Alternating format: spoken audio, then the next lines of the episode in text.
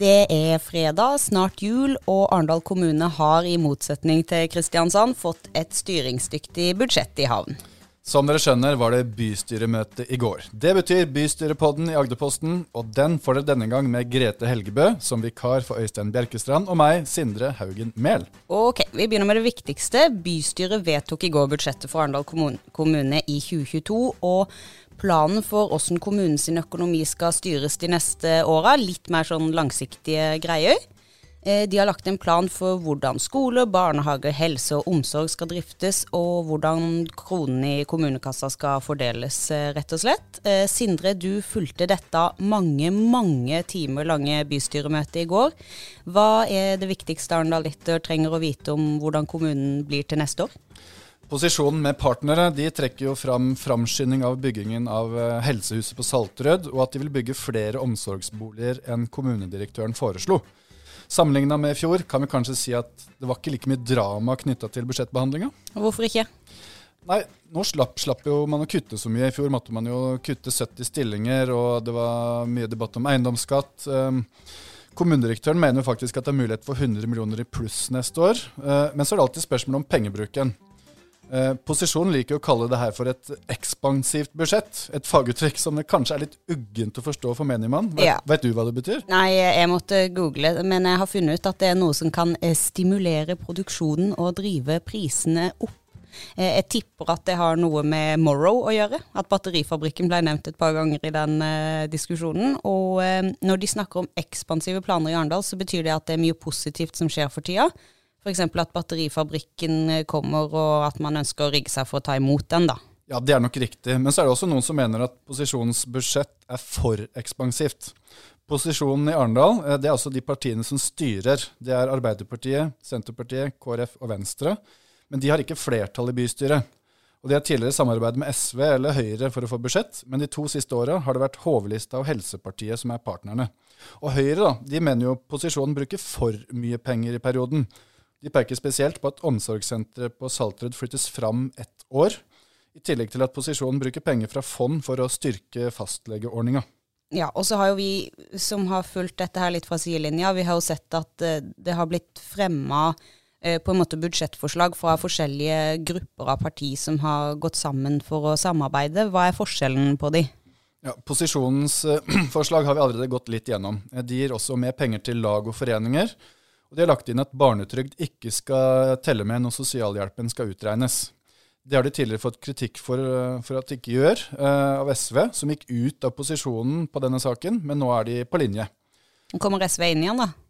Nei, det er, ikke, det er, nok ikke så enkelt. Nå har de valgt en annen samarbeidsstruktur. Eh, det tror jeg man må vente til etter neste valg før de eventuelt tar en ny eh, runde på. Men eh, det, dette er sånn kommentarmat som jeg som sitter i, som journalist ikke skal mene for mye om, da, kanskje. Vi kan gå på Høyre sitt budsjettforslag. da. Det er jo, de ønsker å kutte eiendomsskatten i perioden. Posisjonspartiene de holder den uendra. Sjøl om kommunen får en mer penger i eiendomsskatt enn før. Og det er fordi at det bygges flere boliger i Arendal, og det betyr at det blir flere hus å beskatte. Eh, Høyre foreslo også å bevilge mer penger til helse og omsorg enn det posisjonen gjør, men de ønsker å kutte f.eks. i voksenopplæring og biblioteket.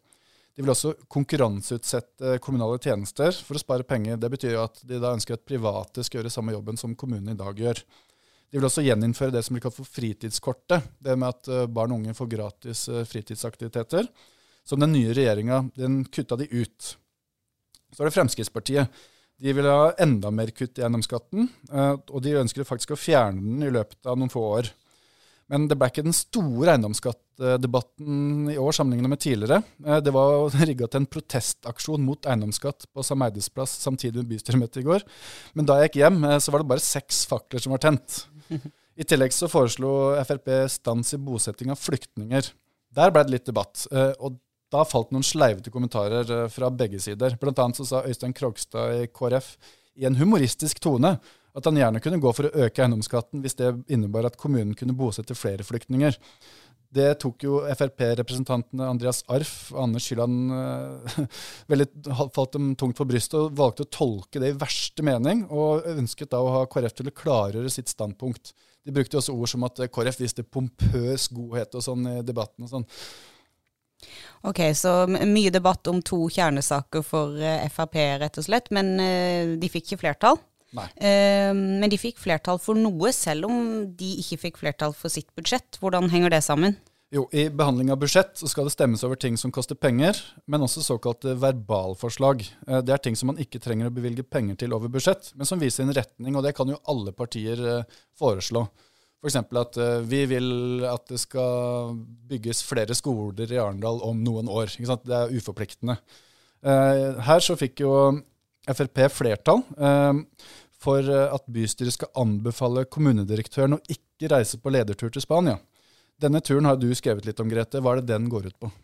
Nei, det er jo øh, Flere journalister i Agderposten har skrevet om det her, fordi at øh, kommunedirektøren, eller rådmannen som han het før, har jo tatt med ledergruppa si på, på disse turene i mange, mange år. De har øh, leid inn et selskap som leverer et ganske kostbart Eh, undervisningsopplegg som skal kurse lederne. Uh, og nå var det planlagt en tur til, um, til Spania, uh, hvor de skulle um, ja, snakke om hvordan de kunne bli bedre ledere med å vandre i historisk sus og dus og lære om ja, hvordan man kunne leve med multikulturalisme i gamle samfunn, f.eks. Ja, og Da er det noen av partiene i bystyret som har menet hvorfor kan man ikke ha ledelsesutvikling lokalt, og heller reise til lokale kurssteder, da. Ja, og det svaret på det er jo at kommunedirektøren mener at dette er et såpass godt opplegg at det er verdt f.eks. 360 000 kroner som eh, bare det pedagogiske opplegget ville koste for denne Spania-turen, da. Og um, så kommer jo reise, opphold og kost og losji i tillegg. Ja, og dette skal jo opp til eh, formannskapet, som da bestemmer over pengebruken i Arendal eh, på vegne av bystyret, i, i februar, vel. Og denne turen er ikke planlagt før til høsten 2020. Nei, og så har de et, en frist på et par måneder etter februar til eventuelt å bryte den kontrakten som er inngått. Og grunnen til at det skal opp i formannskapet, er jo at dette er egentlig en del av uh, rådmannen sin stillingsbeskrivelse. Hva skal han ha rett til å bestemme og ikke? Eh, men vi må gå videre. Vi har ikke snakka om SV sitt budsjettforslag i det hele tatt ennå. De fikk jo flertall for noe, de òg, selv om de ikke er med i posisjonen. Hva var det? Jo, eh, De hadde jo et sånt eh, verbalforslag i sitt budsjett som gikk på at man ønska å utrede boplikt på nytt. Boplikten i Arendal ble jo fjerna for noen år tilbake. Boplikt betyr jo at man er nødt til å bo i, huset man eier. Man kan ikke leie det ut om sommeren f.eks. Og det er det jo mange synspunkter på, og er en stor debatt, politisk debatt, som også var oppe i, i bystyret i fjor. Da Arbeiderpartiet fremmer forslag om å utrede eh, og innføre boplikt på nytt. Da fikk de ikke flertall, og det med én stemmes margin. Og da var det jo noen som pekte på at uh, Arbeiderpartiet hadde lova ikke ta noen omkamp på det etterpå. Men da SV la fram det sitt budsjettframlegg, så begynte jo det å komme noen kommentarer og, og, og liksom fra Arbeiderpartiet-politikere i etterkant om at det viste noen signaler om at hm, kanskje vi skal støtte det forslaget her. Sånn at uh, de hadde kanskje sett for seg at vi kan prøve om det får et flertall for det på nytt. Og det blei det jo. Eh, det var en litt overraskende vending i en budsjettbehandling. da, For plutselig så slutta representantene å diskutere penger, og gikk over til å debattere boplikt, som er en sånn overordna ideologisk sak. da. En annen avsporing var, fra økonomidiskusjon var da SV sin vara Rune Sævre anklaga HV-lista for å glemme HV-saken i budsjettbehandlinga, og mente de burde krevd mer gjennomslag eh, hos posisjonen. Det ville imidlertid ikke Tore Karlsen høre snakk om. Nei, da ble det litt diskusjon, kan jeg tenke meg. Um, det var ikke bare budsjettet som var oppe til politisk behandling eh, denne uka, det var òg hjemmeskole. Eh, og det ble en lang, lang debatt som faktisk endte med at bystyret bestemte seg for å sende alle elevene i kommunale skoler hjem til hjemmeundervisning allerede på mandag. Eh, altså med frist på egentlig bare én virkedag. Hva i alle dager skjedde der?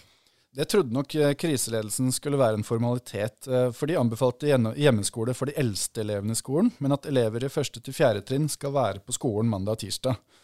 Det ble som du sa en del debatt om, og Byster endte jo med å vedta at alle elevene skal få hjemmeundervisning. Det fikk jo stort engasjement også hos leserne våre, Grete. Ja, det er klart at når travle småbarnsforeldre får så kort tid på å omstille hele livet sine, da, da blir det engasjement i Agderposten eh, sine spalter og innbokser. Eh, men jeg tror nesten vi må gå inn for landing. Sindre, er det noe mer du har lyst til å trekke frem fra bystyremøtet, det siste bystyremøtet i 2021, før vi avslutter?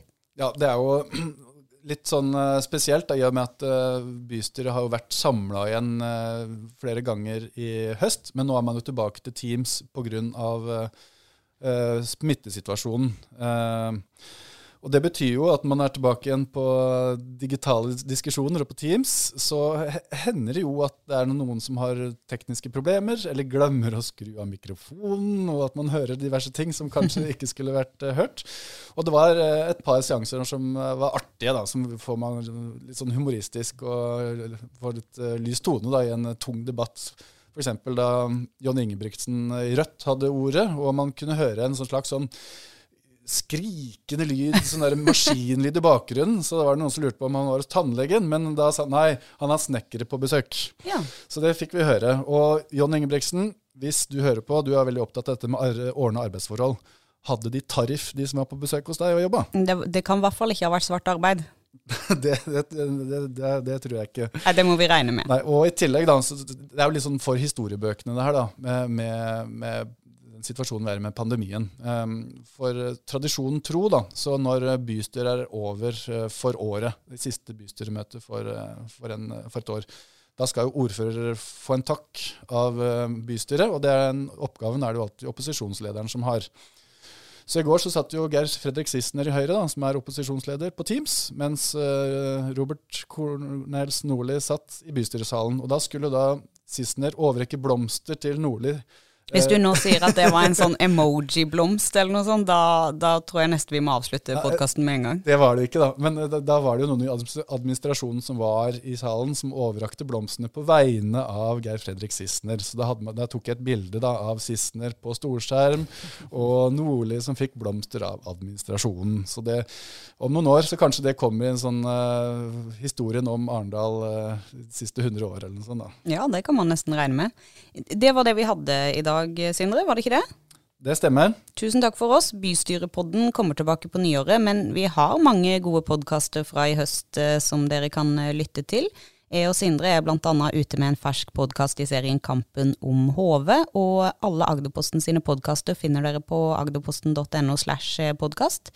Sindre Haugen Mehl og Grete Helgebø takker for følget. God jul!